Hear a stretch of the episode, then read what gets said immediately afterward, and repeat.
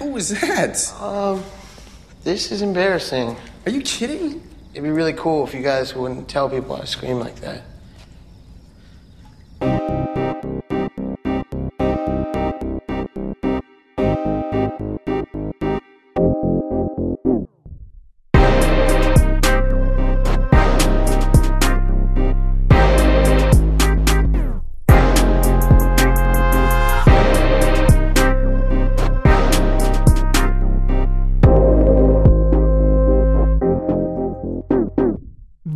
Velkommen til 12. episode af I Kassen Talks.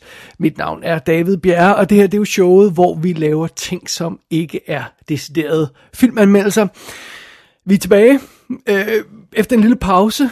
Det øh, må jeg indrømme, jeg havde brug for efter Oscar, fordi at, øh, ja, egentlig så endte vores, øh, vores Oscar dækning jo med at blive ret omfattende her i, i Kassen Talks. Det var... Øh, Ja, det var, det var vist ikke helt hensigten, men det, sådan blev det alligevel. Jeg, jeg tror, vi fik lavet fem programmer om Oscar-ræset, plus det løse, og der var Golden Globe-snak og anmeldelser af kortfilm. Jeg, jeg tror, jeg talte det sammen til, det var sådan cirka syv timers stof bare om Oscar, så ja, det er selvfølgelig en del, og ikke et øje var tørt, men det gik alt sammen, og, og vi klarede os gennem det, og, og det var fantastisk. Men øhm, denne her episode af I Kassen Talks, den bliver så helt Oscarfri. Næsten helt Oscarfri. Ej jo, jo, faktisk stadig helt Oscarfri. Og øhm, ja, så bliver det bare sådan en lille hygge-episode. Der er ikke sådan det store revolutionerende emne her i, i den, det her program. Det er bare sådan lidt øh, catch-up med forskellige ting og lidt småtterier, som jeg øhm, har gået og noteret mig, at jeg lige vil snakke om. Så, så det, det, det er sådan set det eneste, vi har på programmet her i dag. Så øhm, without further ado, lad os kaste os over første punkt. Og jeg tænkte, jeg lige vil gøre en ting, inden vi sådan kan øh, gå, gå videre med sådan programmet. Så tænker jeg, at jeg vil lige lave et lille recap af nogle af de anmeldelser, som vi, jeg har lagt op i den seneste tid. Fordi fidusen er jo, at øhm, biograferne er genåbnet nu her. Og, øh, og folk kan gå i biografen igen, og det er altså meget fint. Og det betyder, at der er en masse film, der har haft premiere, eller der har premiere i danske biografer, som vi har anmeldt her i kassen. Nogle af dem har vi anmeldt simpelthen, fordi de jo ganske enkelt havde sådan en, øh, hvad man normalt vil kalde en day and date premiere, altså at den både, de filmene både kom i biografen i USA, og så kom de på VOD i USA, og så øh, hoslede vi os lidt og så dem fra, fra HBO Max og sådan noget. Det, det er den ene type premiere, men så er der jo simpelthen også den, den type øh, anmeldelser, vi har fat i, hvor, hvor øh, den almindelige amerikanske VOD-premiere simpelthen har overhalet øh, den danske biografpremiere, fordi at, at, at, at den danske biografpremiere skulle have været for ja, helt op til 5-6 måneder siden. Så, så bare lige for at, at tage fat i det ganske hurtigt. Nogle af de film, som vi har, har anmeldt her i, øh, eller de film, vi har anmeldt her i kassen, som nu kan ses i danske biografer, som lige har haft premiere i danske biografer. Det er jo sådan noget som Chaos Walking. Det er Godzilla vs. Kong. Og så kan man jo mene, hvad man vil om den, men at se den på et stort lærred er måske en god idé. Så er det Nomadland, som jo scorede et hav af Oscars. Så er det Promising Young Woman, som også fik Oscar. Så de film har altså var dem, som de danske biografer åbnede med den 6. maj. Og senere så er der også kommet Tom og Jerry-filmen til Nobody, altså den her hævn-action-film, som vi også har snakket om. Den også har haft premiere i danske biografer, eller er lige ved at have premiere i danske biografer. Det kan godt være, det er den her uge, nu kommer jeg lige ahead of myself. Og, øh, og så øh, er der også Those Who Wish Me Dead, som jeg lige har anmeldt, der så, så åbenbart har premiere i danske biografer i starten af juni. Så ja, det er sådan en god håndfuld film, øh, næsten to håndfuld film, som, som vi har har anmeldt her i kassen, som altså nu kan ses i danske biografer. Og måske, at øh, hvis man synes, at nogle af dem lød en lille smule interessante, så er det en god idé at gå ind og støtte de danske biografer, for det har de vist nok lidt brug for lige nu. Så det, det synes jeg bare lige, at jeg vil have med her up front.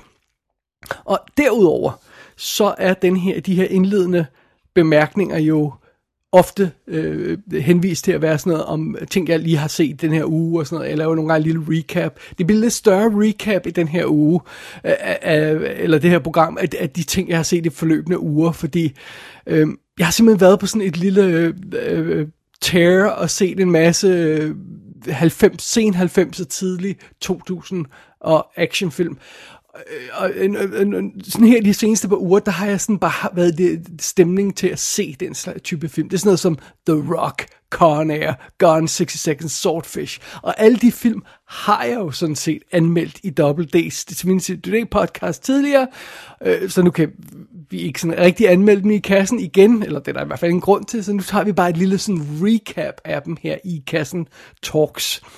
Og øhm, ja, jamen altså, der, der er et eller andet ved den her øh, type actionfilm fra midten af 90'erne og så til et par år ind i 2000'erne. Den der periode på 5, 6, 7 år, der er altså nogle helt fantastiske actionfilm, øh, øh, hardcore klassikere, der stadigvæk holder den dag i dag. Og øh, ja, lad os tage dem for en ende af. Den første af de her film, som jeg genså som her i de seneste par uger, det var The Rock. You've been around a lot of corpses. Is that normal? Well, the feet thing? Yeah, the feet thing. Yeah, it happens. I'm having kind of a hard time concentrating. Can you do something about it? Well, like what? Kill him again? Listen, I'm just a biochemist.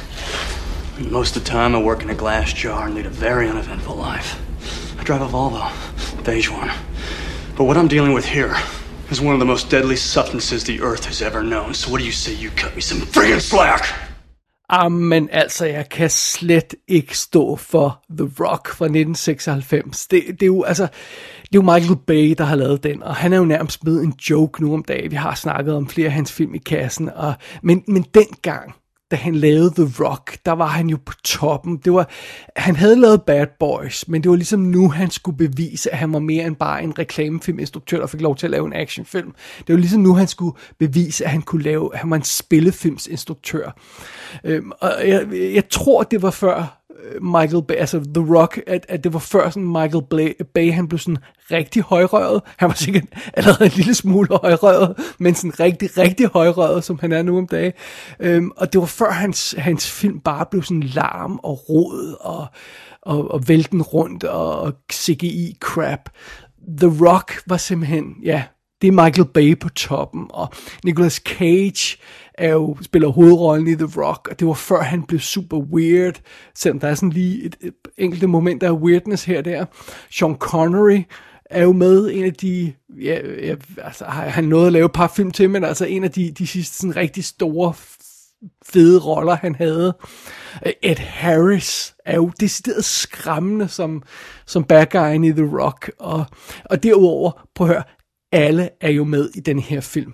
Alle er med i The Rock. Man kender alle i den her film. Det, det er vanvittigt. Altså alt fra sådan noget som John Spencer, David Morse, William Forsythe, Michael Bean. Vi elsker Michael Bean øh, de her øh, soldater, som, som indtager Alcatraz og, og, og holder gisler og sådan noget, det er jo, det er jo sådan noget som Tony Todd og øh, Bokeem Woodbine og Danny Nucci er en af de her SWAT-soldater og øh, øh, Vanessa Marcel, som jo er simpelthen så cute, hun dukker op som Nicolas Cage's babe, Claire Forlani er jo, øh, før hun sådan rigtig blev stjerne, er jo Sean Connerys øh, datter i filmen, og, øh, og, og, og det, hver gang der er de her stab, øh, stab staff meetings øh, i, øh, i, i det hvide hus, eller hvad fanden det er, det, det nu er, i The Situation Room, eller hvad fanden det er, så kender man alle de der skuespillere, der sidder ombord, ombord og spiller de her generaler og sådan noget. Det kan godt være, at man ikke lige kender navnet på dem, man kender ansigtet på dem, og har, har garanteret set dem som generaler i andre film. Det er fantastisk. Det er så fedt at sidde og se The Rock. Man føler sådan, man er et rigtig godt selskab, og den er jo altså, den her film, den er jo fuld af lækre actionsekvenser. Den sådan overflødighedshorn, som jeg plejer at sige, af lækre skud.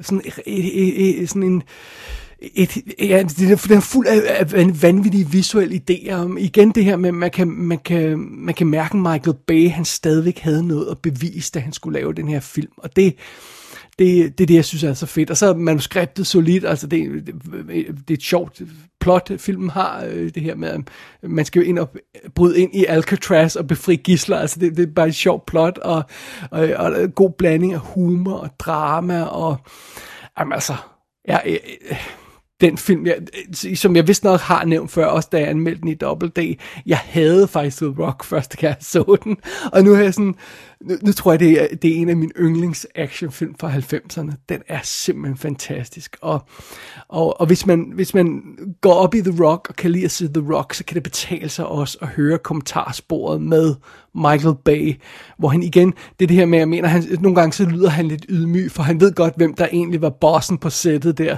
det var nemlig Sean Connery. og han har en fed historie omkring det. Så, så øh, ja, altså, den er værd at sætte sig ned og gense The Rock fra 1996. Og når man så er i gang med de her 90'er actionfilm, er man, så er der jo en, en anden af den type film, man også skal tage fat i.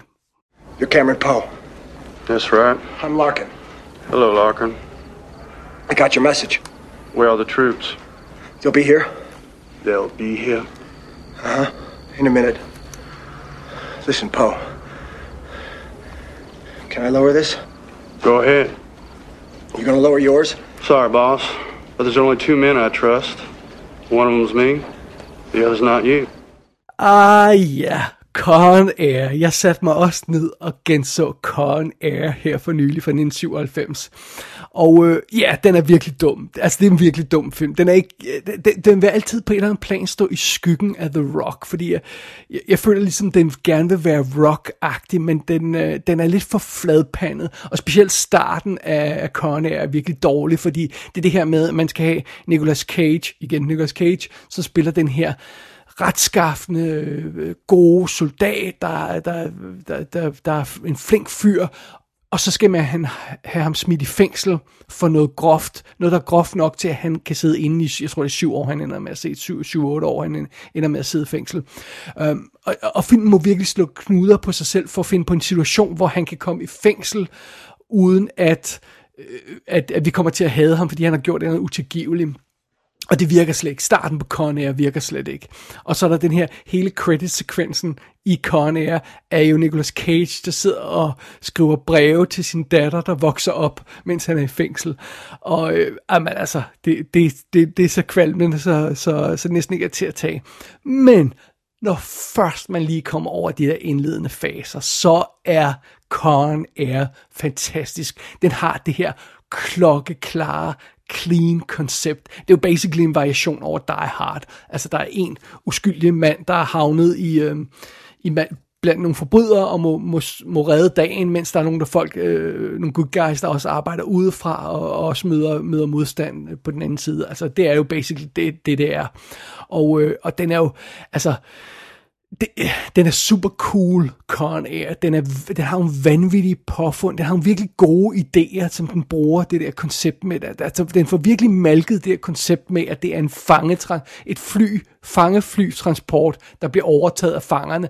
Det får virkelig malket det her koncept til det yderste på, på nogle fede måder. Og øhm, finalen er jo fuldstændig vanvittig. Hvis man kan huske den, så er det den her finale, der foregår på sådan en brandbil, der tonser gennem Las Vegas gader, og det, det sætter simpelthen det perfekte punktum for den film. Det er det, det er en nuts film.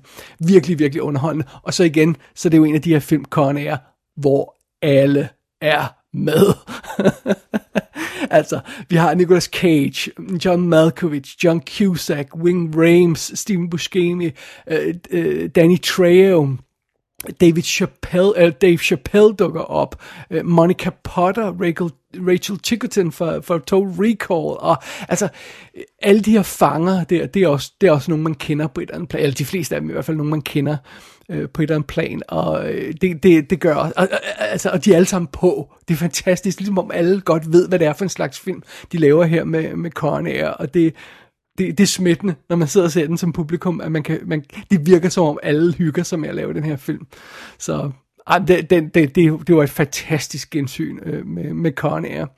Og øh, fun fact, hvis man laver sådan en film trivia aften, så øh, er det jo værd at huske, at Con Air var nomineret til to Oscars for bedste lyd og for bedste sang. Det er en af de sange, som Diana Warren har skrevet, How Do I Live, som er den mest kvalmende sang, man overhovedet kan forestille sig. Men øhm, ja, det virker sgu alligevel meget godt, når de smækker den på i Con Air. Jamen, jeg kan slet ikke stå for den film. Det, øhm, det er fantastisk. Og selvom de her film, jeg lige nu vil nævne, som jeg har set i løbet af øh, sidste par uger, selvom jeg ikke så dem i den her kronologiske rækkefølge, så, så tager jeg dem lige her i programmet i kronologisk rækkefølge. Så det betyder, at vi går fra 97, og så bevæger vi os lige ind i 2000-årstallet, om jeg så må sige, med den næste film. What do you think is more exciting, having sex or stealing cars? Having sex or boosting cars. Um. Ooh. Uh, um, well, uh, how about uh, having sex while boosting cars? God, that's a good line. Holy crap, det er jo Gone in 60 Seconds fra år 2000. Og ja, det er den tredje Nicolas Cage film, jeg så har set. Ikke helt i træk, men sådan næsten i træk. Men det var, det var rent tilfældigt. Det, det var bare hans gode periode, fordi han dukkede op i alle film, der var the shit. Det glemmer man måske lidt, fordi Nicolas Cage er blevet sådan lidt en joke nogle dage. Men dengang, holy crap, han var altså hot shit. Og øhm, i denne her film, Gone 60 Seconds øh, øh, fra, fra 2000, der kan man jo altså også snakke om, at man har en, en rolleliste, der sparker røv. Udover Nicolas Cage, Angelina Jolie er jo øh, love interest et eller andet sted i den. Hun er insane hot i den. Så har vi alle de der solide øh, øh, øh 80-90'er skuespillere. Will Patton, Robert Duvall, Chi McBride, øh, Giovanni Ribisi dukker op som Nicolas Cages bror. Vi har Delroy Lindo og Timothy Olyphant som det her team af cops, der, der efterforsker de her biltyve. Og, og så har vi Christopher Eccleston som, som bad guy, der er jo fantastisk. Og, og så, er det jo, så er det jo Grace Zabriskie fra Twin Peaks, der dukker op, og Nicolas Cages mor, og Francis Fisher fra, ja, Titanic og alt muligt andet, er jo Robert Duvalls kæreste. Alle, alle er med i den her film også. og jeg kan simpelthen ikke understrege, hvor fantastisk det er at se Gone 60 Seconds. Den er perfekt, den her film. Jeg elsker Gone in 60 Seconds. Øh, den har den her, øh, det har også det her clean, øh, øh, øh, fede pitch, en god dramatisk historie. Den har det her gode pitch med, at når man, øh, øh, den her biltyv, der vender tilbage og må hjælpe sin bror, der har havnet problemer, og, og det, det, han skal udføre en opgave, det han skal gøre, det er, at han skal stjæle 50 virkelig øh, øh, dyre biler på 72 timer, og for at kunne gøre det, så finder de på en plan, hvor de skal stjæle alle de her biler på en aften. Og det er jo et klokkeklart, nemt koncept. Øh, vi skal stjæle 50 biler på en aften, Politiet er efter dem, og det skal gøres en deadline, fordi ellers øh, bliver øh, brugeren slået ihjel. Altså, øh, det, det, igen, klokkeklart koncept, nemt at forstå, nemt at følge med, og øh, så elsker jeg jo også historier, hvor det gælder om at samle et eller andet team til at udføre en umulig mission. Det, øh, det, det, det falder den her film sådan lidt i den kategori. Og, øhm, og så er Gone 60 Seconds bare virkelig lækkert skudt. Den er, den er sjov, og den er øh, fræk, og... Altså, jeg mener seriøst, det her det er en perfekt film. Jeg vil ikke ændre en eneste frame i den her film. Den virker simpelthen så godt. Og det, det er, uh, Gone 66 er også et perfekt eksempel på, hvordan man laver et godt remake. Fordi den er jo et remake af 1974 øh, af samme navn, øh, hvor de nogle gange staver det med, med øh, det med tal 60 i stedet for bogstaver. Øh, men det, altså 1974 original er jo shit. Altså den er virkelig, virkelig dårlig. Der har jo fede bilstunts, men den er, det er virkelig, virkelig dårlig film. Og, og, og, øh, altså det er jo sådan nogle film, man burde lave remake af. Altså sådan nogle film, hvor man siger, der er en kerne, en god historie der, Øh, men, øh, men den film, de lavede dengang, er ikke så fed. Nu kan vi redde den ved at, ved at lave remake af den. Det synes jeg, det de har gjort med Gone 60 Seconds. Øh, og så lige en indskudt bemærkning i øvrigt. Øh, man skal jo ikke se the extended cut af den her film.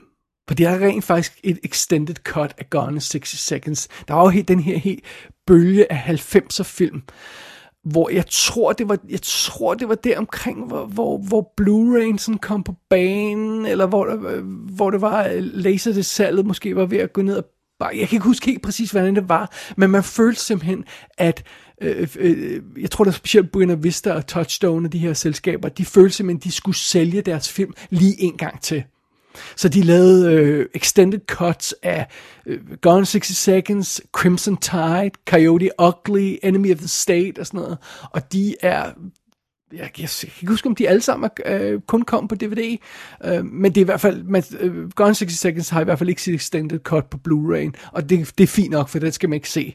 De laver om på en masse ting, og, og, og der er ikke rigtig nogen grund til det, og de ødelægger lidt stemningen, og ja, så og Coyote Ugly er jo et også et eksempel på en film, hvor man ikke skal se The Extended Cut, fordi så har de pludselig lavet sådan nogle seks scener med en, med en uh, body double og sådan noget. Ja, anyway, det, det tror jeg, vi har snakket om før i, i Double D, men under omstændigheder, Gone in 60 Seconds. Fantastisk film. Fantastisk gensyn. Jeg nød simpelthen at se den her film igen.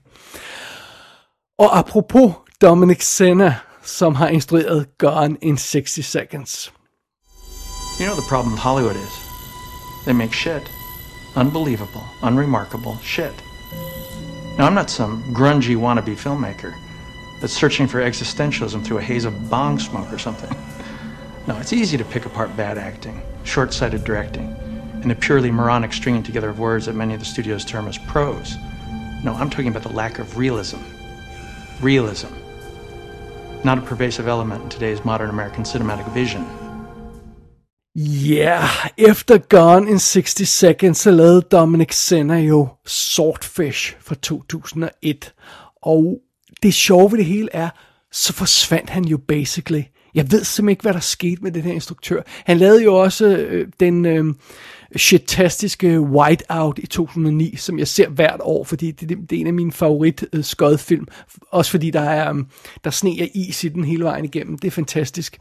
Øh, det er jo det, der foregår med det her mor på Nordpolen og sådan noget. Og så lavede, øh, hvad hedder det, øh, så lavede Dominic Senna jo også... Øh, Season of the Witch fra 2011 med, med, med Nicolas Cage. Men de fire film her, altså de to, vi har nævnt her, og så de to, jeg lige øh, snakker om øh, her, øh, øh, øh de fire film, det er stort set det eneste, han har på IMDb i de sidste 20 år. Og det er ligesom om, altså, Okay, måske, okay, fair nok. Han, øh, Dominic Senna er, hvis, hvis jeg ikke tog meget fejl, så er han vist 72 år nu, så det er okay, hvis han har lavet sig pensionere. Men det, ja, det undrer mig, at han ikke fik, fik lavet øh, Gone Six Seconds og Swordfish om til, til en karriere, fordi øh, de var okay hits. Altså, øh, øh Gone Six Seconds kostede 100 millioner dollars, men den tog 232. Og så skrev, synes jeg, at den var overalt. Altså, det var sådan en af de her film, der bare skrev sig ind i sådan pop culture på en eller anden plan. Uh, Swordfish øh, var billigere, men tog, tog også en del færre penge. Den, den kostede øh, 80 og tog 147 worldwide. Men stadigvæk okay, og jeg tror, at det er også, de her film er også nogle af dem, der, der kom på markedet på DVD og Blu-ray og sådan noget. Uh, ja, DVD. øh, I en periode, hvor... øh, hvor den slags film bare solgte gangbusters, så de har tjent millioner af dollars på hjemmevideo også. Øhm, men efter det her dobbelt hit med, med Gone 60 Seconds og Swordfish, så, så forsvandt Don McSenna, altså så, så blev det aldrig rigtigt til mere, og det, det forstår jeg simpelthen ikke. Og, og ja, Swordfish, som, som jo så, som jeg så også fik genset. Jeg, jeg blev en lille smule overrasket, for da jeg tog den ned fra hylden, så var den faktisk stadigvæk i sin oprindelige plastik. Jeg havde ikke fået pakket den ud. Så det må jo betyde, at det er meget lang tid siden, jeg har set den sidst. Øh, men Swordfish er fantastisk. Jeg vil, jeg vil våge den påstand, at John Travolta som bad guy i den her film er næsten lige så god en bad guy, som han er i Face Off. Næsten. Øhm, altså han, han kaster sig frodende over scenerne her i, i Gone øh, i, uh, Gone øh, i Swordfish. Øh, han, han, han hygger sig simpelthen gevaldigt med den her rolle, og han, han giver den hele armen. Og så Hugh Jackman er jo vores held, han er jo den her hacker, der bliver hed ind til at lave den her opgave, og det, det er jo sådan ligesom, altså X-Men 1 er vist fra 2000, hvis jeg ikke tager meget fejl, så, så det er lige der, det, det er lige der, hvor øh, Hugh Jackman han har sit store gennembrud. Men alligevel så føler jeg ikke rigtigt, at Hugh Jackman er Hugh Jackman endnu her i Swordfish. Han er stadigvæk en lille smule anonym, og det klæder virkelig filmen, og han, han er bare den perfekte held i den her øh, film i Swordfish, fordi han giver den hele armen, og så har vi Don Cheadle med også som den her øh, kop, der jager ham, og øh, det er jo det er super fedt. Og det sjove ved det hele er, jeg tror de fleste husker Swordfish som en hackerfilm. Fordi øh, Hugh Jackman er hacker, og han skal bryde ind i et eller andet halvøjse, han er computerhacker, og det, det, som, det er en vigtig del af filmen. Men det er jo ikke rigtigt det, som den her film er. Det er rent faktisk en con-film. Altså, det handler jo om et virkelig øh, high-tech røveri, og så et efterfølgende con, øh, som, som, øh, John, som John Travoltas karakter har kørende, og og det, det, det, det synes jeg, man glemmer lidt, fordi man bliver, man, jeg tror, man, jeg synes mange kommer til, når nævner Swordfish, så er det bare, ah, det er den der, hvor, hvor alle hacker-sekvenserne ser så dumme ud, og ja, det gør de jo selvfølgelig hvilken som helst film, fordi det er forældet året efter, den har premiere, men, øh, men det er ikke det, der er kernen i film. Det, der er kernen i film, det er faktisk det her con-nummer, som er, som er vildt godt, og så har den her film, Swordfish, jo altså også en af de fedeste åbningsscener nogensinde. Det er den her scene, hvor John Travolta, han sviner Hollywood-film til, velvidende, at han er midt i en Hollywood-film, og det er fantastisk. Og så fortsætter scenen i det her geniale bullet time skud, hvor de har taget den her tek- lidt taget den her teknik for, for Matrix, og så brugt den til at, til at vise en eksplosion i den her gade på, hvor kameraet sådan ræser rundt mellem alle de her bygninger, mens bilerne hænger i luften, og øh, et af de, simpelthen fantastisk lækkert skud, og så er det jo et flash forward skud, så det er også der, derfor det her, det her con-aspekt kommer ind i filmen med, at vi får faktisk nogle spor til den her scene, øhm, scene, som vi skal bruge, altså vi får det her, øh, de her spor, som, som virkelig passer senere i historien, men vi får dem up front, så når vi sidder og oplever historien, så kan vi se, hvor de her ting passer ind hen med det her, den må, det, det, som John Travolta sidder og snakker om, og sådan noget, det her, det passer ind i historien, der er en mening med det, det er ikke bare lir, og det, det kan jeg virkelig godt lide. Altså, seriøst, hvis man, hvis, man, hvis man går og sådan har alle sådan lidt lunken på Swordfish, så se den igen. Det er en meget, meget, meget bedre film, end man husker. Det, den er, ja, den er noget nær genial. Oh, ja, og så, og så som sagt, så, så alle de her fire film, som jeg har siddet og genset her de sidste par uger, øh, de er inden for den her ganske korte periode af, af Hollywood-film, og man, de kunne bare noget specielt. Og så er det jo også fedt, det er fedt ved alle de her film, det er, de, de har alle sammen gode soundtracks. altså, bare tag sådan noget som The Rock. Den har jo det her klassiske tema af, af Nick Glennie Smith og, og Hans Zimmer, dem der har skrevet skåret til. Øh, og der har det jo et fantastiske tema.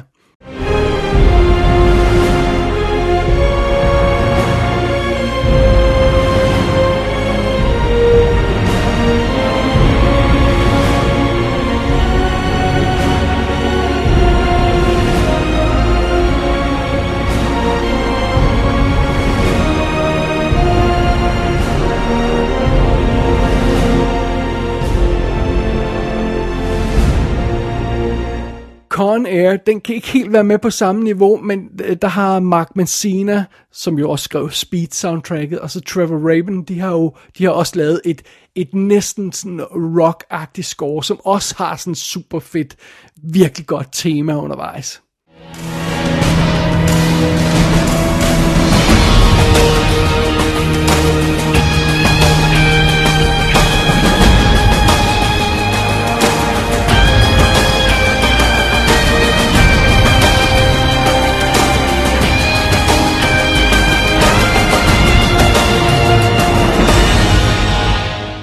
Gone in 60 Seconds og øh, Swordfish, de har jo så ikke øh, øh, musikken, men de har øh, soundtrack-album. De bruger, øh, de bruger øh, sange til at skabe deres stemning undervejs. Det virker også virkelig fedt. Altså, Gone 60 Seconds har et af de bedste soundtrack-album.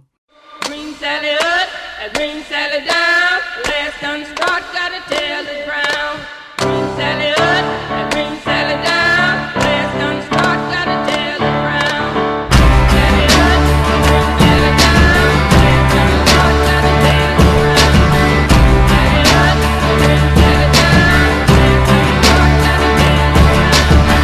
Og Swordfish har altså også nogle virkelig, virkelig fede sange, der, der, der giver sådan en god techno-stemning i filmen, fordi det jo selvfølgelig også handler om hacker og teknologi og sådan noget. Der er også nogle virkelig fede sange på det soundtrack. Yeah.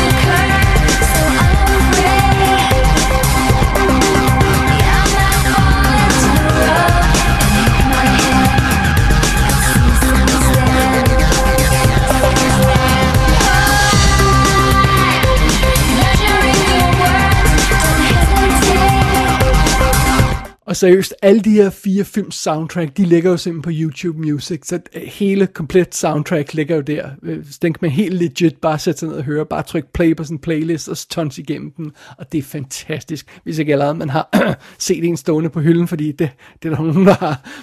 Men øhm, jamen, det er så fedt. Det er så fedt at gå tilbage til nogle af de her film og, og, og nyde dem, og, og specielt hvis man nu er en lille smule frustreret over moderne actionfilm nogle gange, og det her, som vi nævner så tit med CGI, og de sidste 40 minutter af en hvilken som helst actionfilm er bare CGI lige og sådan noget. Og der, der byder de her, den her type film fra 90'erne og, og, og tidlige 2000'erne, de byder altså på noget andet, fordi man kunne ikke helt lave så mange CGI-effekter endnu, så man må ligesom, øh, man må læne sig op af noget andet ganske enkelt, og det, det, det tror jeg er derfor, de film, de holder så godt den dag i dag. Alrighty, udover at gense de der fire super fede øh, actionfilm, så har jeg altså også genset nogle super fede teenfilm. jeg har været på et lille teenfilm flashback trip. Og den første af de her teenfilm, som jeg lige vil hive fat i, det er en film, der nu endelig har fået sin Blu-ray debut. Det er Some Kind of Wonderful. I've been thinking a lot lately about you and me. And I came to a conclusion that I didn't want to deal with. But now that we talked, I can't hide it anymore. I think we'd get along much better if we didn't spend so much time together anymore. Why? Because I'm driving you crazy, and you're driving me crazy. And I'd rather not see you and have you think good things about me than have you see me and hate me. Because I can't afford to have you hate me, Keith. The only things I care about in this goddamn life are me and my drums and you. Some Kind of Wonderful er jo fra 1987, og den er skrevet af John Hughes, men den hører til det, jeg vil sådan kalde hans hardcore øh, teenfilm, øh, som, som han ikke alle sammen har instrueret selv. Det kommer lige tilbage til mig et øjeblik. Og det sjove ved det hele er, at det, det her, altså Some Kind of Wonderful fra 87, det er den sidste af de der 80'er John Hughes teenfilm, øh, der, øh, der manglede på Blu-ray, simpelthen. Og så er der lige kommet en boks, der hedder John Hughes 5 Movie Collection. Og der er de simpelthen samlet Planes, Trains and Automobiles, Ferris Bueller's Day Off, uh, Ferris Bueller's Day Off, She's Having a Baby, Pretty in Pink og Some Kind of Wonderful. Og She's Having a Baby og Some Kind of Wonderful er Blu-ray debut. De, de andre har været ude tidligere. She's Having a Baby må jeg indrømme, jeg aldrig har set, men den hører altså ikke til den her teen-kategori. Den tæller ikke med her. Og øh, Some Kind of Wonderful er, er ikke min favorit af de her John Hughes film, men den har nogle fantastiske øh, scener, og ja, specielt øh, finalen i den her film, altså hvem fanden tuder ikke som pisket under den finale, I mean, right, altså hvis man har et hjerte, det gør man. Nå, anyway, øh, men øh, Some Kind of Wonderful var den sidste, vi manglede i den her, øh, det her øh, firekløver af John Hughes teenfilm. Det er man kalde øh, the, the Four Big Ones, om jeg så må sige. Det er 16 Candles for, for 84, The Breakfast Club for 85, Some Kind of Wonderful for 87, og Pretty in Pink for 86. Jeg ved ikke, hvorfor jeg lige fik byttet om på de to. Uh, så det er 84, 85, 86, 87, de kommer fra. Og inden imellem det, så har vi selvfølgelig også de her andre John Hughes film, Ferris Bueller's Day Off og Weird Science, men de, de, de passer ikke helt i den her samme kategori som de her fire. Det er ligesom dem, jeg vil kalde kernen.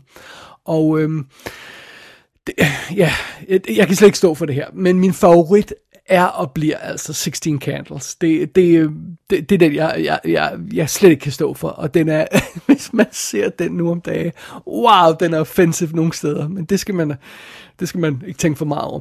Og Breakfast Club er jo også fantastisk, det er også en klassiker, og, og, og Pretty in Pink har jeg aldrig rigtig været super begejstret for, selvom der er nogle virkelig søde ting i den. Some Kind of Wonderful er... Øh, det største problem i den, det er helten, som, øh, som ikke er særlig øh, klog, hvis man må sige det på den måde, øh, som Eric Stoltz spiller, øh, øh som, som bliver forelsket i, øh, i skolens uh, hotteste pige, uden at være klar over, at hans tomboy veninde i virkeligheden er, er forelsket i ham. Jamen, det er så sødt. Uh, men, men, men bortset fra, at der er nogle, nogle, nogle, nogle sådan ting, der ikke så fungerer super godt i Some Kind of Wonderful, så er der altså også nogle ting, der fungerer fantastisk. Så, så, jeg, så jeg er glad for, at jeg endelig har den her film på Blu-ray. Den ser en lille smule rough ud på Blu-ray, men øh, jeg tror ikke, den kommer til at se pænere ud. Jeg tror ikke, der bliver lavet en sådan 4K-restaurering af Some Kind of Wonderful. Så jeg tror bare, vi skal være glade for den her Blu-ray, vi har. Og så, hvis man kan lide de her John Hughes-film, og hvis man synes, det er sjovt at se dem, så, så kan det altså godt betale sig at købe den her boks med de her fem film. Fordi at øh, man kan få den til en god pris, og der er, så vidt jeg husker, er der danske tekster på alle filmene, og og selvom man køber den amerikanske udgave, og de, den er kodefri og det hele, så Øh, ja, det, det er en god investering, og ja, jeg, jeg, jeg nød gensynet med Some Kind of Wonderful. Det er meget lang tid siden, jeg har set den, fordi at jeg ikke har haft den på, på Blu-ray, så, så, så skulle man hive øhm, DVD'en ned fra hylden, og ja, den ser endnu mere rough ud. Så sådan er det. Og øh, fidusen er, uh, Some Kind of Wonderful og flere af de her Hughes-film, den har jeg jo i tidens morgen øh, øh, øh, anmeldt i WD's Definitive DVD podcast. Øh, nu kommer vi til en anden film, der har fået Blu-ray debut, som jeg har anmeldt i kassen, som jeg simpelthen har nået at anmelde i kassen showet, og så den efterfølgende komme på Blu-ray. Um, lad os lige høre et klip fra den først. Ask me about my wiener! Schrader? Oh, hey, Hi. B. And Monica. Hey. Why are you wearing this? Every single brother in my fraternity has worn this suit. President James Garfield wore this suit like a gentleman. Oh, yeah, and look what happened to him. He got assassinated by Charles Guiteau. Don't ask me how I know that. Do me a favor, ask me about my wiener really quickly. Schrader, no. Guys, my brothers could be watching me right now. Just ask me about my wiener, please. Why are you doing this? What do you mean? Come on, you're this. You're humiliating yourself, buddy. You know what, B? Don't mess with me. These are the happiest times of my life, all right? Schrader. I'm so happy. I'm the happiest. I'm happy. Ah, Jamen, det er jo Accepted fra 2006, og som jeg, øh, ja, som jeg også snakkede om i min anmeldelse af den her i kassen. Ja, jeg kan slet ikke stå for den film. Den, den er så fucking sjov, og alle de her cool folk er med. Altså Justin Long, synes jeg er dybt charmerende. Jonah Hill er med. Louis Black, altså hvem kan ikke stå for Louis Black? Og Blake Lively, hun er simpelthen så stunning i den her film, så det halve kan være nok. Og så jeg skrev det på Facebook, jeg tror, jeg kan ikke huske, om jeg fik nævnt det i anmeldelsen, men Hannah Marks spiller jo Justin Longs lille søster i den her film. Hun er 13 år, da, hun, da Accepted har premiere. Og efterfølgende så er hun jo vokset op og er begyndt at skrive film, og nu instruerer hun åbenbart også film. Men hun skrev jo Banana Split, som jeg også har anmeldt i kassen, og som hun spillede hovedrollen i også. Og den var dybt rørende og fungerede virkelig, virkelig godt.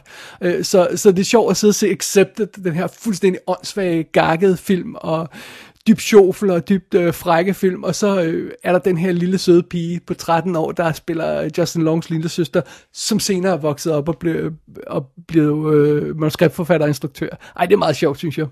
Så øh, virkelig, virkelig fedt at, at gense Accepted, selvom jeg nærmest lige har set den, fordi jeg anmeldte den her i kassen. Men øh, det, det er en film, der, der, der tåler gensyn. Som jeg, som jeg også tror, jeg, jeg snakkede om, da jeg, da jeg anmeldte filmen, den er sådan nem at afskrive, fordi den er sådan så sjovfuld og, og har sådan virkelig dumme påfund, accepted. Men under, under de her vanvittige ting, som der er i filmen, så er der altså også et virkelig solidt budskab i, i filmen. Den har altså noget på hjertet, og øh, den er ikke helt dum, når det kommer til stykket accepted. Så, øhm, så den kan jeg godt stå inden for, når det kommer til stykket. Den næste teenfilm, som jeg har genset her for nylig, den er en lille smule sværere at forsvare, i hvert fald når det gælder budskabet i filmen. What do you look for in a girl? Well, let's see. Uh, she should be smart and funny. And That's good too. Do you feel better yet? I feel a little bit better. Yeah. a little- What else do you look for? She should be um, attractive and nice and topless and topless. Ja, jeg genså Road Trip. Road, Road Trip for år 2000, og den holder 100%, jeg siger det på forhånd, 100% fantastisk film. Øh, jeg var aldrig til American Pie. Øh, jeg ved godt, folk elskede den, kom på cirka samme tidspunkt. Var det 99? Det kan jeg ikke huske. Det, det er omkring i hvert fald. Øh, jeg var aldrig til American Pie. Det her, det var ligesom min American Pie, om man så må sige. Det var den øh, teenfilm på det tidspunkt, der ramte mig virkelig godt, som jeg synes var fantastisk sjov. Altså vi har øh, Breckin Meyer og, og øh, Sean William Scott, som jo også er med i American Pie, og Paul Costanzo og DJ Qualls, som de her fire fyre, der tager på en roadtrip for at forhindre, at et sextape, som Brecken har kommet til at optage med en pige, han er forelsket i, det, det, det bånd, det, det må ikke havne hos den pige, han rent faktisk er kæreste med og har et long distance forhold til. Så de skal ud på et roadtrip for at stoppe et sextape. Altså det er jo så wrong, og der er ingen der sådan, hey, hvad, hvad, hvad er det egentlig, vi har gang i her? Uh, der, der er så meget, der er wrong med den film, men det er wrong på alle de rigtige måder, og det er dybt charmerende, og et eller andet sted, så formår den at sælge sin historie, og ikke glemme hjertet alligevel. Og, ikke, og den bliver aldrig sådan klam og, og, og, øh, og ydmygende over for sin karakter. Den, den har rent faktisk et godt hjerte. øh, road trip. Og så Amy Smart jo med i den, og hun er øh, simpelthen så urimelig sød og smuk. Jeg kan slet ikke stå for hende. Jeg har haft et crush på Amy Smart siden, wait for it, Starship Troopers. Starship Troopers. Ja, Starship Troopers. Amy Smart er den blonde pige, der løber sammen med Dennis Richards ind i rumskibet. På et tidspunkt så er der en sekvens, hvor øh, Dennis Richards, hun, hun løber afsted, fordi hun skal ind og styre det her rumskib, og det har hun glædet sig til. Og, og, øh, og den pige, der løber sammen med hende, er en meget ung Amy Smart. Og siden jeg så Starship Troopers, tænkte jeg, åh, hun er helt vildt sød, hende der. Og jeg har fulgt hende lige siden, og vi vender tilbage til hende senere i programmet. Det, det, det bliver meget sjovt. Men under omstændigheder, hun er helt vildt sød, og hun er jo så hans øh, Breckin Myers rigtige love interest i den her film. Uh, den, som, den pige, som han egentlig er forelsket i. Og det sjove ved det hele er, at der er jo en bad guy i den her film i Road Trip, der forsøger at stoppe det her forhold, fordi han vil have fat i Amy Smart i stedet for. Han bliver spillet, den her øh, karakter, af Anthony Rapp. Anthony Rapp ham, der er med i Star Trek Discovery i øjeblikket. Og det var ham, skuespilleren, der fik bolden til at rulle mod Kevin Spacey. Det var ham, der fik startet anklagerne mod Kevin Spacey, fordi han fortalte om den aften, hvor Kevin Spacey forsøgte at voldtage ham. Det er ham, der spiller bad guyen i Road Trip.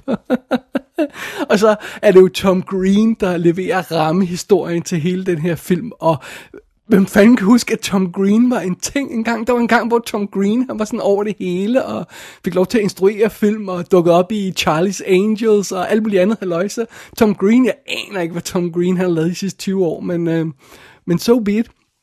Men det fede ved det hele er, at jeg bliver simpelthen så glad for at, for at hive fat i de her gamle film igen. Det gælder også de her actionfilm, jeg nævnte tidligere. Jeg bliver så glad, når jeg hiver fat i de her film, og så opdager, at de stadigvæk holder. Og roadtrip dem den er immer væk 20 år gammel nu. Altså Breckin Meyer, han er sådan en seriøs øh, producer og tv-serieskaber. Han har skrevet sin egen tv-serie og skabt sin egen tv-serie og sådan noget. Og Amy Smart, hun spiller morroller nu. Altså så mange, så 20 år er der gået siden Road Trip. Men den holder stadig, og den er dybt charmerende, og jeg kan slet ikke stå for den, og så er den hilarious. Så Jamen, det var fedt. Det var fedt at se de her tre teenfilm igen, og det var fedt at se de her fire actionfilm, som vi snakkede om tidligere. Nogle gange, så, og det var specielt efter alt det her Oscar med, med alt det her Oscar-race, at se alle de her nye filmer, alle de her nye indtryk, og mange af de her Oscar-film er også sådan meget seriøse, så er det bare fedt at sætte sig ned og så hygge sig med nogle gamle klassikere, man har set før, som man bare kan, kan nyde og sidde og se. Og ja, det var så det, jeg har gjort de sidste par uger. Alrighty, fair enough. Lad os komme videre i programmet. Vi har lidt, øhm, ja, vi har en lille smule filmnyt. Lad os lige hive fat i en lille øh, uheldig filmnyhed.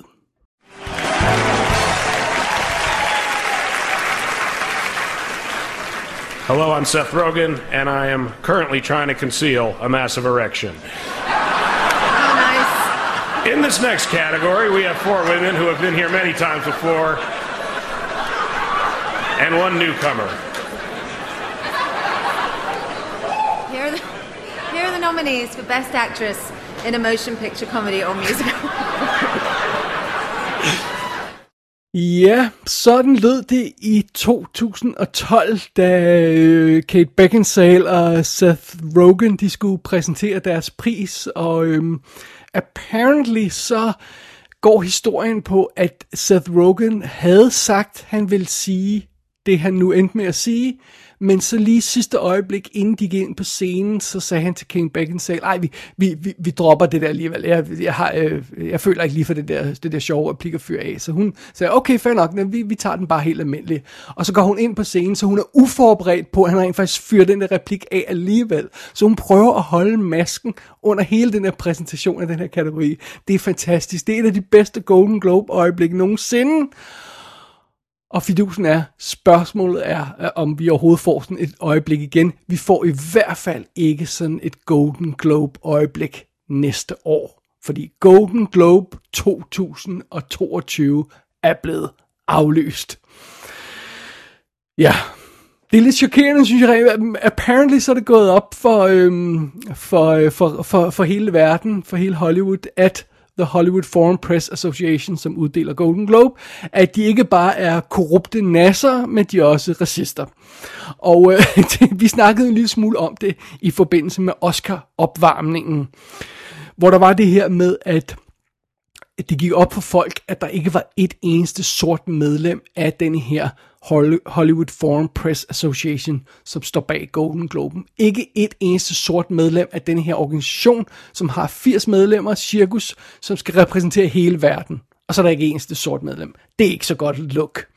Og øh, det faktum, da det sådan kom ud, så resulterede det jo i det der pinlige break, der var under Golden Globe-uddelingen, hvor øh, repræsentanter for, for, øh, for øh, HFPA, som man jo skal kalde det, øh, hvor de måtte stille sig op på scenen og komme med den her pinlighed. From the HFPA, President Ali Sar, Chairman of the Board Meher Tatna, and Vice President Helen Huna. On behalf of the Hollywood Foreign Press Association, thank you for joining us. Tonight, while we celebrate the work of artists from around the globe, we recognize we have our own work to do. Just like in film and television, black representation is vital. We must have black journalists in our organization. We must also ensure everyone from all underrepresented communities gets a seat at our table, and we are going to make that happen. That means creating an environment where diverse membership is the norm, not the exception. Thank you, and we look forward to a more inclusive future. The Golden Globes will continue in a moment.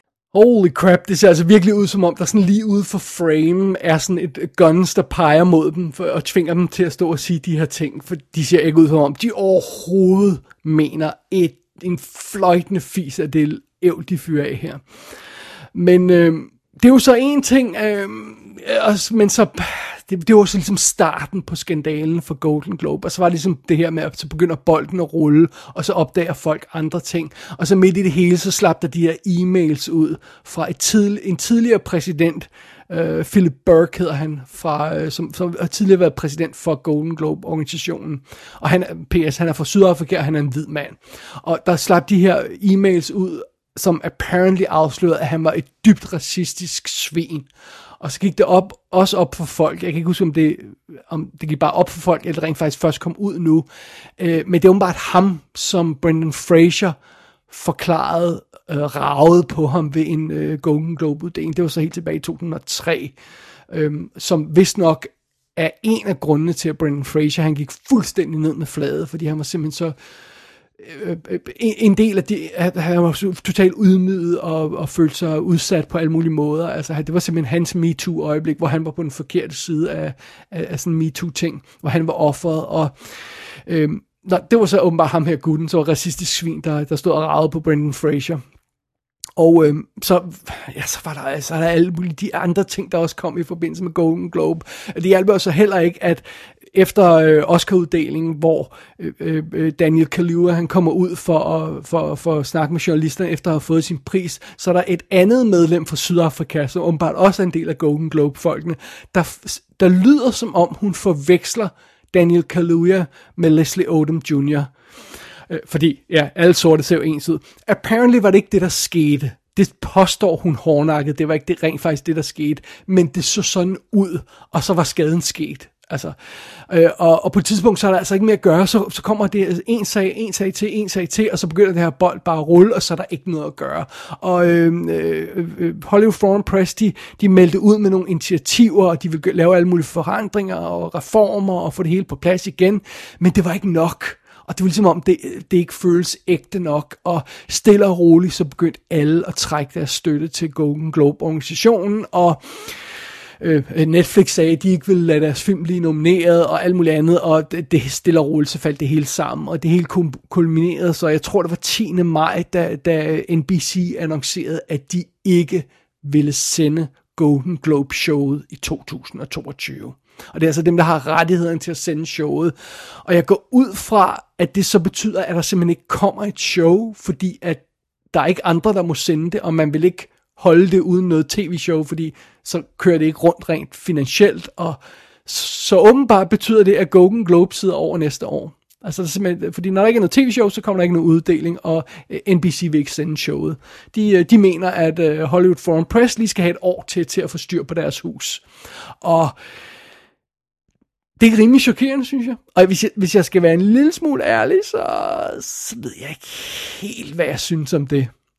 Jeg synes måske, hvis jeg tænker over det, at det virker en lille smule hyklerisk. At det er nu Golden Globe bliver fældet. Altså, der har jo været årtier med korruption Altså, der er jo alle de her historier om, man kan nemt få en Golden Globe-nominering, hvis man bare samler nok af de der 80 medlemmer i et, øh, i et rum, og så begynder at slække dem i røven. Altså, øh, Øh, man skal bare invitere dem til middag, man skal bare invitere dem på fine hoteller og sådan noget, så, så bliver man nomineret. Altså, det er jo efter sin sådan, The Tourist blev nomineret for bedste film, øh, som jeg egentlig synes, det er meget charmerende, men det er noget helt andet. Øh, og, og der har jo været et, alle de her historier om penge under bordet, alle mulige andre suspekte sager for de her Golden Globe, øh, øh, den her organisation, og alt det her med, at der er ingen, der kan komme ind inden, der er ingen, der ved, hvad der foregår, og der er kun 80 medlemmer, det vil de ikke rigtig sige til nogen, og, og, og der har jo været de her sager i overvis, i årtier, nærmest, øh, ja, nærmest de sidste 50 år eller meget det nu er, der har været skandaler omkring Golden Globe. Og pludselig er der nogen, der opdager, at der ikke er et eneste sort medlem. Og så er det bare sådan, nej, nu må vi lukke ned for det hele. Altså, det var fint nok, da I var korrupte øh, svin, der tog penge under bordet og kunne bestikke sig sådan noget. Men hvis I ikke lukker sorte indenfor, så går det ikke. Og man kan selvfølgelig sige, at et eller andet sted, så, så var det her med, at der ikke var nogen sorte medlemmer, det var dråben, der oven i alt det andet gjorde, at nu, øh, nu, øh, nu gik det ikke længere. Men det er bare et bad look, at, at der skulle gå så lang tid, før der var nogen, der sagde, hey, det kan være, at vi skal sætte den her organisation på plads. Det, det er ikke et pænt look, at, at man accepterede alt det andet, og, og så, men så var det bare, så var det lige her, man satte grænsen. Det, det, det, virker, det virker igen, ja, hyklerisk, synes jeg.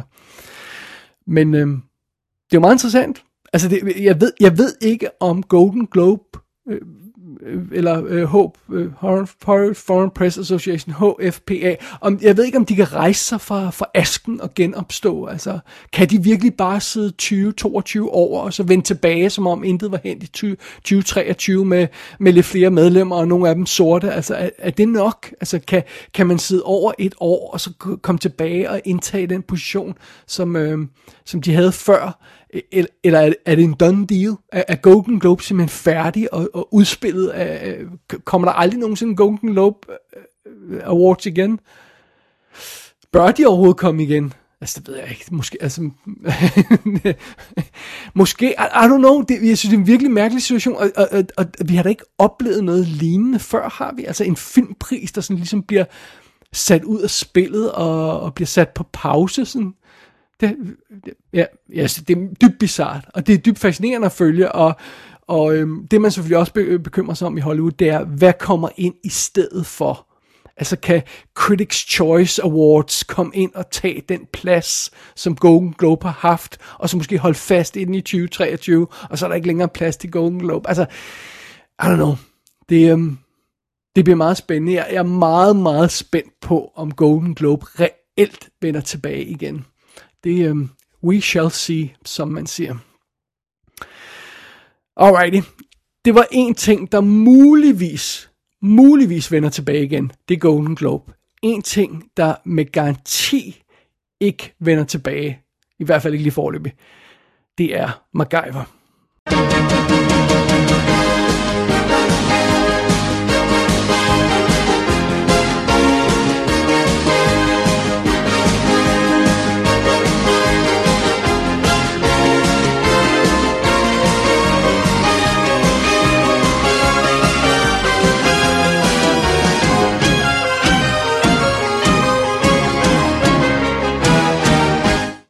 Ja, yeah. den 4. april, tror jeg det var, der blev det annonceret, at 2016 reboot-udgaven af MacGyver ikke ville vende tilbage efter femte sæson.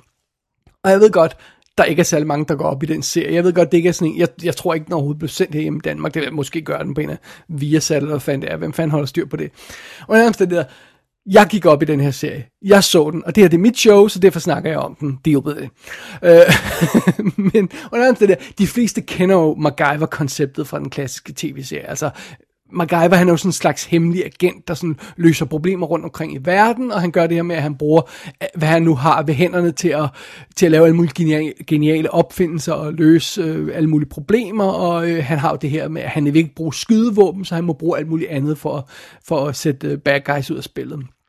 Og øh, vi har nok alle sammen set den oprindelige MacGyver-serie med Richard Dean Anderson, der kørte øh, over skærmen i øh, 80'erne, i syv sæsoner. Jeg tror, det øh, 85 startede den og sluttede i 92. Og så kom der et par, par tv-film også. Den kørte rimelig lang tid. Men den her nye udgave med Lucas Till som Angus MacGyver, den, øh, den fik altså ikke lige så mange år. Den, øh, den startede i september 2000, øh, 2016, så fik den tre almindelige sæsoner. Så kom der sådan en forkortet fjerde sæson, som blev forsinket med et halvt år. Og så da den endelig startede, så gik hele verden pludselig død på grund af corona. Og så kom der et halvt års pause igen, og så fik vi en forkortet femte sæson, som er delvist er produceret midt i coronaepidemien, under coronarestriktioner. Og øh, ja, for at sige det mildt, så haltede den her serie lidt til mållinjen. Og, men altså, ja, det ærger mig alligevel, fordi jeg, jeg nød faktisk at se den hver uge. Det er meget fedt at have sådan en serie, og der kom nyt afsnit på, jeg tror det var hver, hver, øh, Øh, hver fredag, det var tilgængeligt på iTunes, og så gemte jeg det som regel til lørdag, og så sad jeg og så det sådan øh, lørdag aften, når jeg spiste aftensmad, så så jeg MacGyver sammen med det. Altså, det, det var vildt hyggeligt, og hvad jeg kan fornemme, så var der også en masse øh, sådan fædre i USA, der sad og så MacGyver sammen med deres sønner. Det var sådan, der var sådan en masse reaktioner fra folk, der, der, der var ked af at miste serien. Det, det, det, det er selvfølgelig synd. Øh, men det er meget sjovt, fordi tilbage i 2016, da serien startede, altså det, det her reboot startede, der synes jeg, at den var forfærdelig. Og jeg, jeg, jeg tror, jeg havde købt et season pass, bare sådan on a whim. Og så var det sådan lidt, Nå, så kan jeg sgu lige så godt se resten af serien færdig, når jeg nu har betalt for det. Og, og, så, så, så, øh, og så blev jeg ved med at sådan lidt hate-watche den i en halv sæson, og stille og roligt, så fandt den sine fødder, og fandt ud af, hvordan den skulle bruge det her koncept, MacGyver-koncept i, i en moderne verden, og efter første sæson, så faldt det hele bare i hak. Anden sæson var fantastisk. Tredje sæson, super cool. Virkelig sjov. Og det var også det her med, at man nærmest blev præsenteret for sådan en lille øh, mini-action-film hvert uge. Der var sådan dybt charmerende, havde sådan en cool lille historie. Det, det fungerede virkelig godt. Alright, so all this is to help you survive a room that might as well be half mile under the ocean? I mean, not forever, but yeah. How? Same way an atmospheric pressure suit helps deep sea divers survive at the bottom of the ocean. And that's what we're making? Quick and dirty version of one, yeah. Okay, this is the last canister we have and it's nearly empty. It's uh, not enough oxygen to save the kids and it'll give you enough to breathe for three minutes. Is that gonna be enough time? It'll have to be. Men naturligvis, når man snakker om en tv-serie, så står og falder det på karakteren. Det er vigtigt, altså, fordi dem skal vi følge hver uge, så vi skal holde af dem et eller andet sted. Og vi havde Lucas Till som Angus MacGyver, som jo sådan en yngre udgave af MacGyver, og han, er, han var dybt charmerende, sådan en virkelig sweet guy. Øh, sådan, ser, han ser sådan en lille smule naiv ud, men, men han, han var sådan en virkelig good guy, og øh, meget charmerende at følge. Øh, og så fik han jo hjælp af sin, sin ven Bowser, som, øh, som er en, en, en, øh, en sort gut, spillet af Justin Hires, som jeg ikke kender ellers. Og så var der en hacker blandet ind i det, Riley hed hun, spillet af Tristan Mays, som er mega sexet.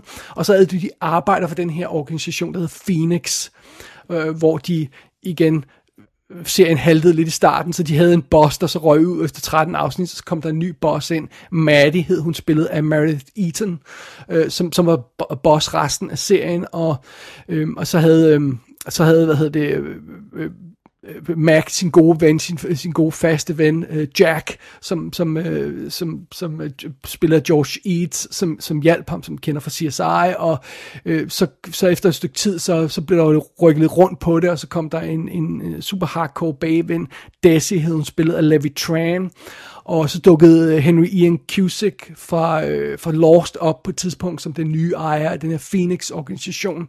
Øh, og, og hvis man lige sådan øh, mistede overblik en lille smule, så vil man lige tage den igen. Vi har altså MacGyver, som er sådan den her blonde, lidt naive øh, white dude. Og så har vi Justin Hires, som er sådan en lille sort spir vip, som er vildt, øh, vildt cool. Så har vi Tristan Mays, som er sådan en blanding af sort og, og, og, og Native American vildt smuk pige med giant bryster. I'm sorry, men det har hun altså. Hun flauntede dem hele øh, serien, så det er fint nok, det må vi godt sige. Så har vi hende. Så har vi øh, Meredith Eaton, som er deres boss. Hun er dværg.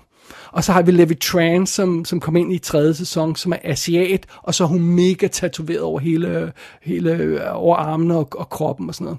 Så hvis man har sådan det her look af den her serie i hovedet, så er det sådan en vild fed blanding af forskellige typer og forskellige farver, og, og det er bare sådan, det er bare godt at se på. Det, hvis man snakker om øh, diversitet på tv, så skal man da se sådan en serie som MacGyver. De er, det, det, det virkede fuldstændig naturligt, og det virkede awesome, og det var vildt fedt at se på, og, og alle lignede ikke bare hinanden, og alle var ikke bare øh, blonde white guys, og det, det var vildt fedt at se på.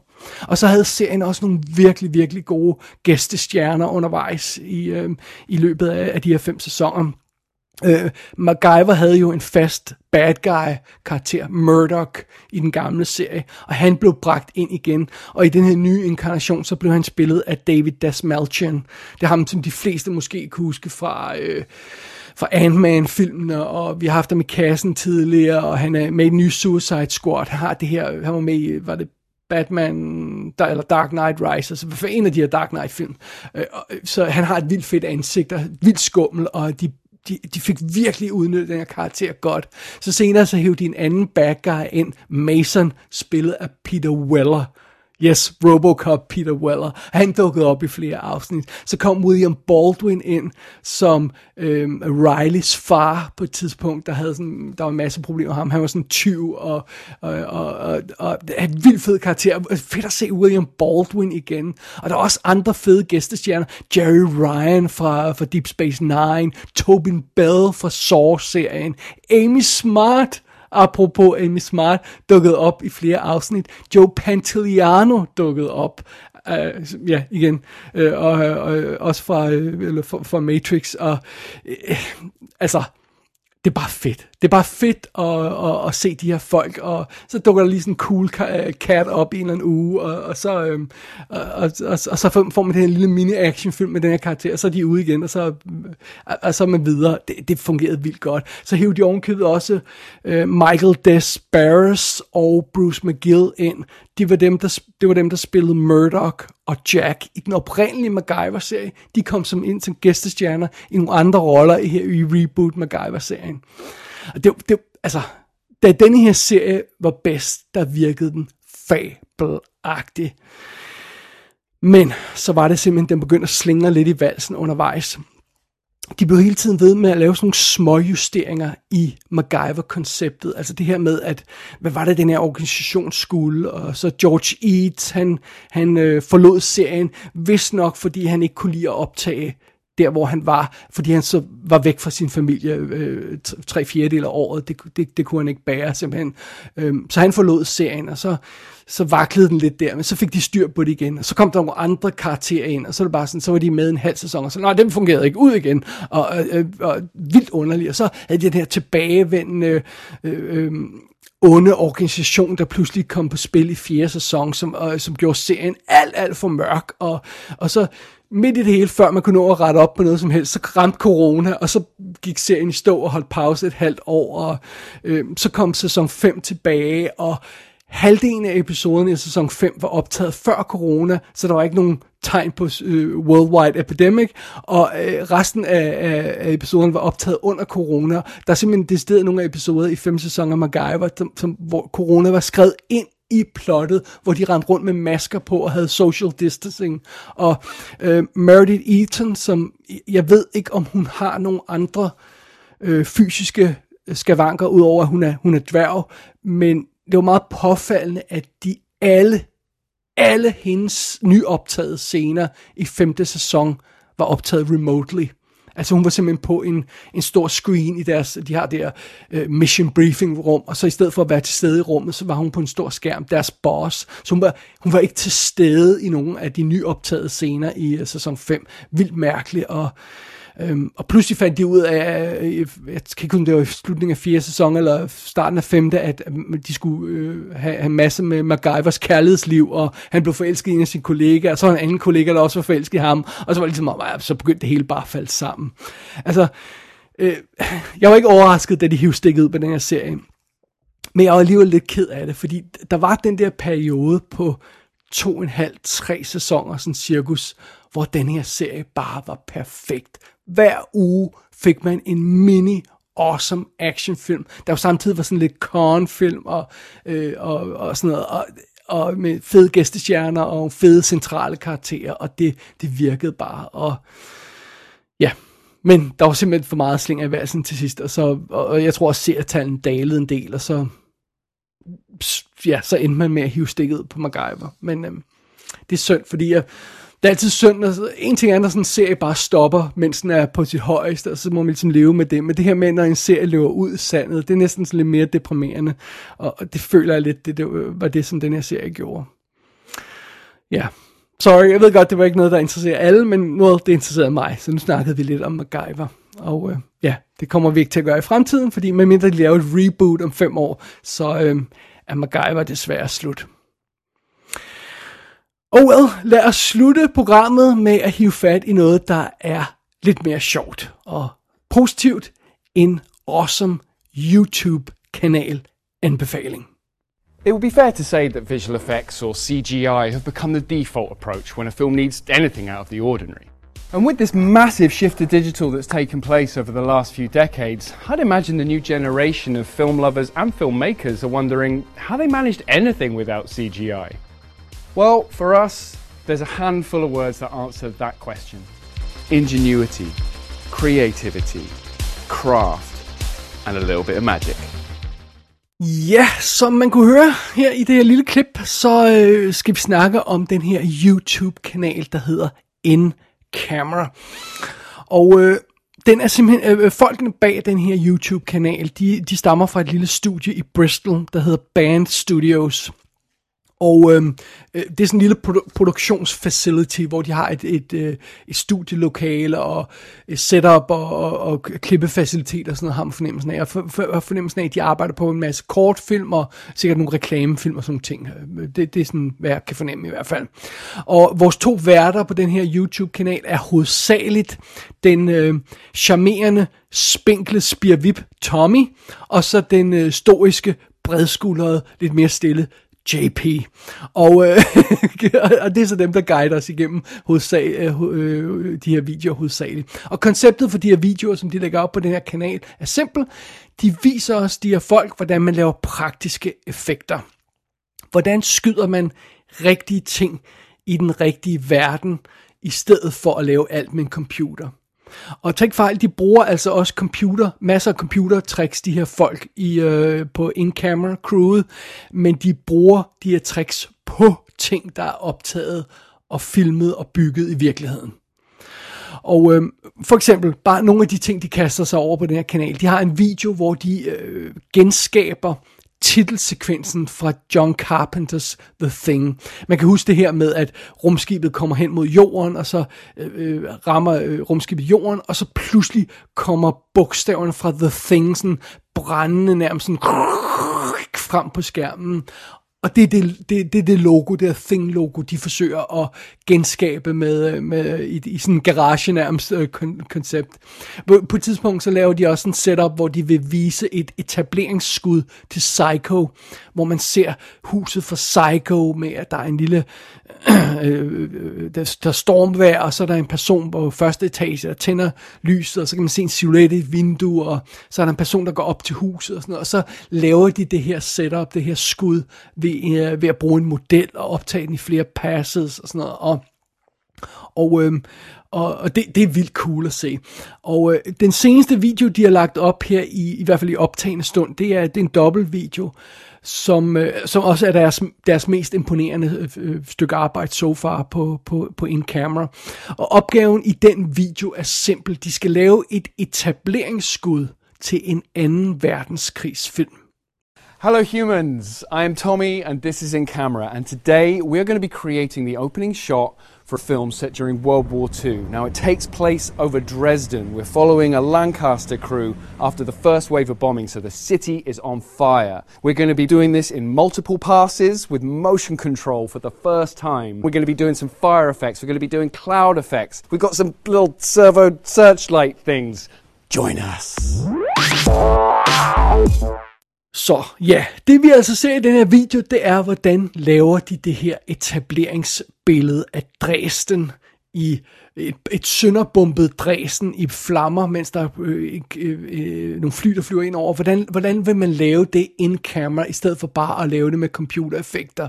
Og, og de her to videoer, hvor de beskriver det her skud, de laver, de, de, øh, de spiller altså samlet 50 minutter.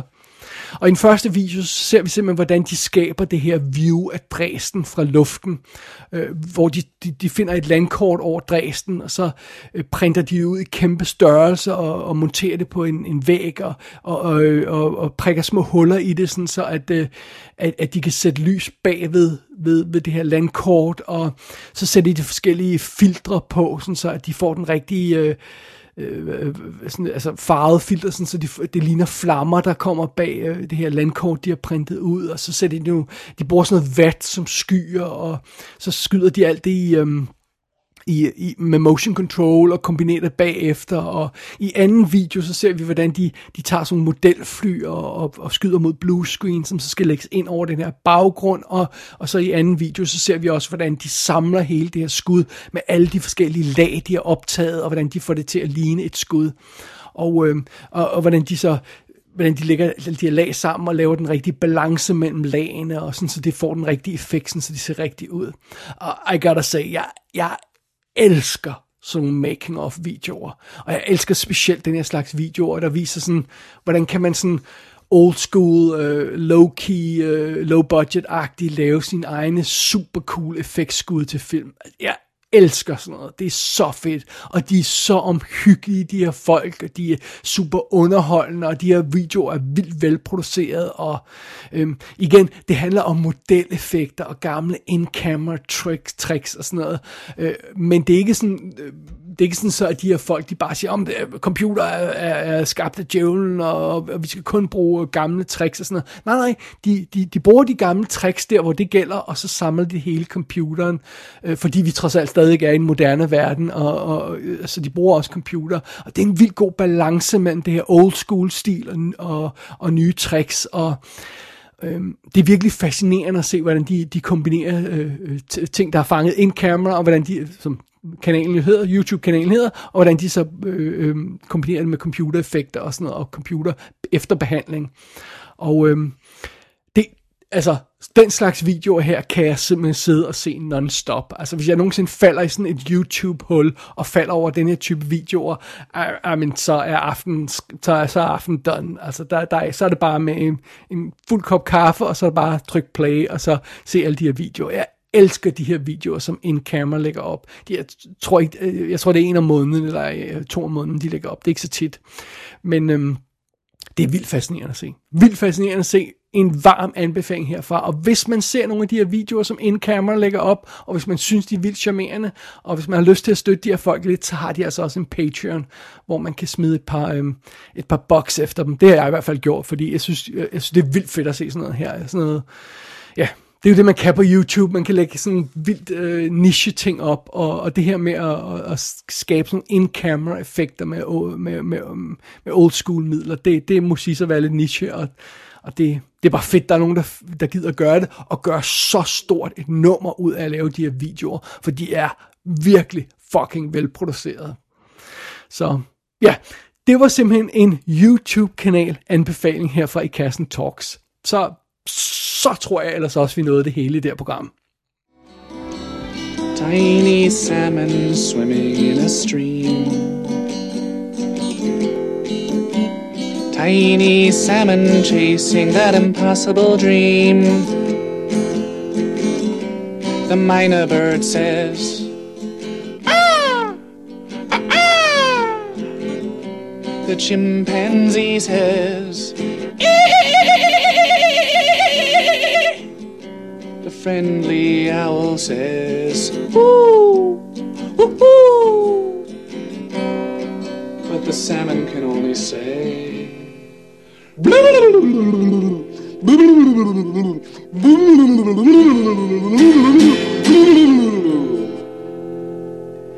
And it's sad. Ja, det var vist det hele. Der øh, står ikke mere på mit papir andet end, at øh, så er der ikke mere snak i kassen talks, står, står der på mit papir. Så, øhm, så det er det. Jeg, jeg sagde jo, øh, det husker jeg vist at sige i starten i hvert fald, at, det, det, vi, vi ikke havde sådan et st- vanvittigt stort, kæmpe øh, emne og noget, noget brændende og skulle fortælle om. Det, var bare, det er bare lidt småtterier, det her program, for lige at, at komme os oven på Oscar. Så, så sådan er det. Øh, næste gang vi vender tilbage med i kassen Talks, så bliver det nok i midten af juni-ish, og øhm, ja, så, men altså, ja, det er svært at sige helt præcis, hvornår det kommer, fordi verden er jo ved at åbne igen, og pludselig øh, er der alle mulige ting, man skal tage stilling til, som for eksempel, at ens kollegaer vil have sommerferie og alt muligt andet crap, så, øh, så man ikke har så meget tid, som man ellers havde. Altså, jeg ved ikke, hvad det ligner, men sådan det. Men øh, ja, øh, planen er i hvert fald, at, at, at næste i kassen Talks kommer sådan midt juni-ish. Må, mås, måske, måske sker der en masse inden det. Måske, måske når Oscar at blive cancelled. Øh, måske bliver alle biograferne lukket endnu en gang, så de ikke behøver at vise centervagten, når den har premiere. Ja, who knows. Jeg håber også lidt, at til næste show, så kan jeg muligvis øh, nå at få set nogle af de øh, Blu-rays og 4K-titler, som jeg har fået ind ad døren, og, og som jeg også nogle gange lægger op på Facebook og viser. Se, jeg har fået alle de her fine ting, og så når jeg ikke at se dem, fordi jeg har alt muligt andet at lave. Jeg håber, jeg når at se nogle af dem, så jeg kan snakke om dem i næste show. Men øh, det tager vi til den tid. Måske. Hvem ved? We shall see.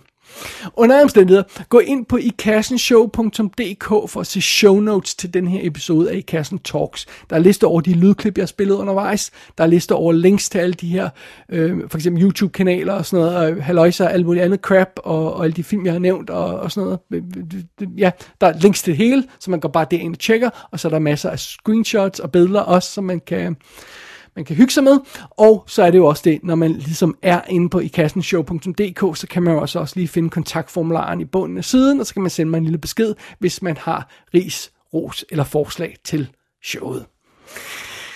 Det var vist nok det hele for den her gang, tror jeg. Mit navn er David Bjerre, du har lyttet til I Kassen Talks, og jeg har kun én ting tilbage at sige. If you don't hear from me, take it personally.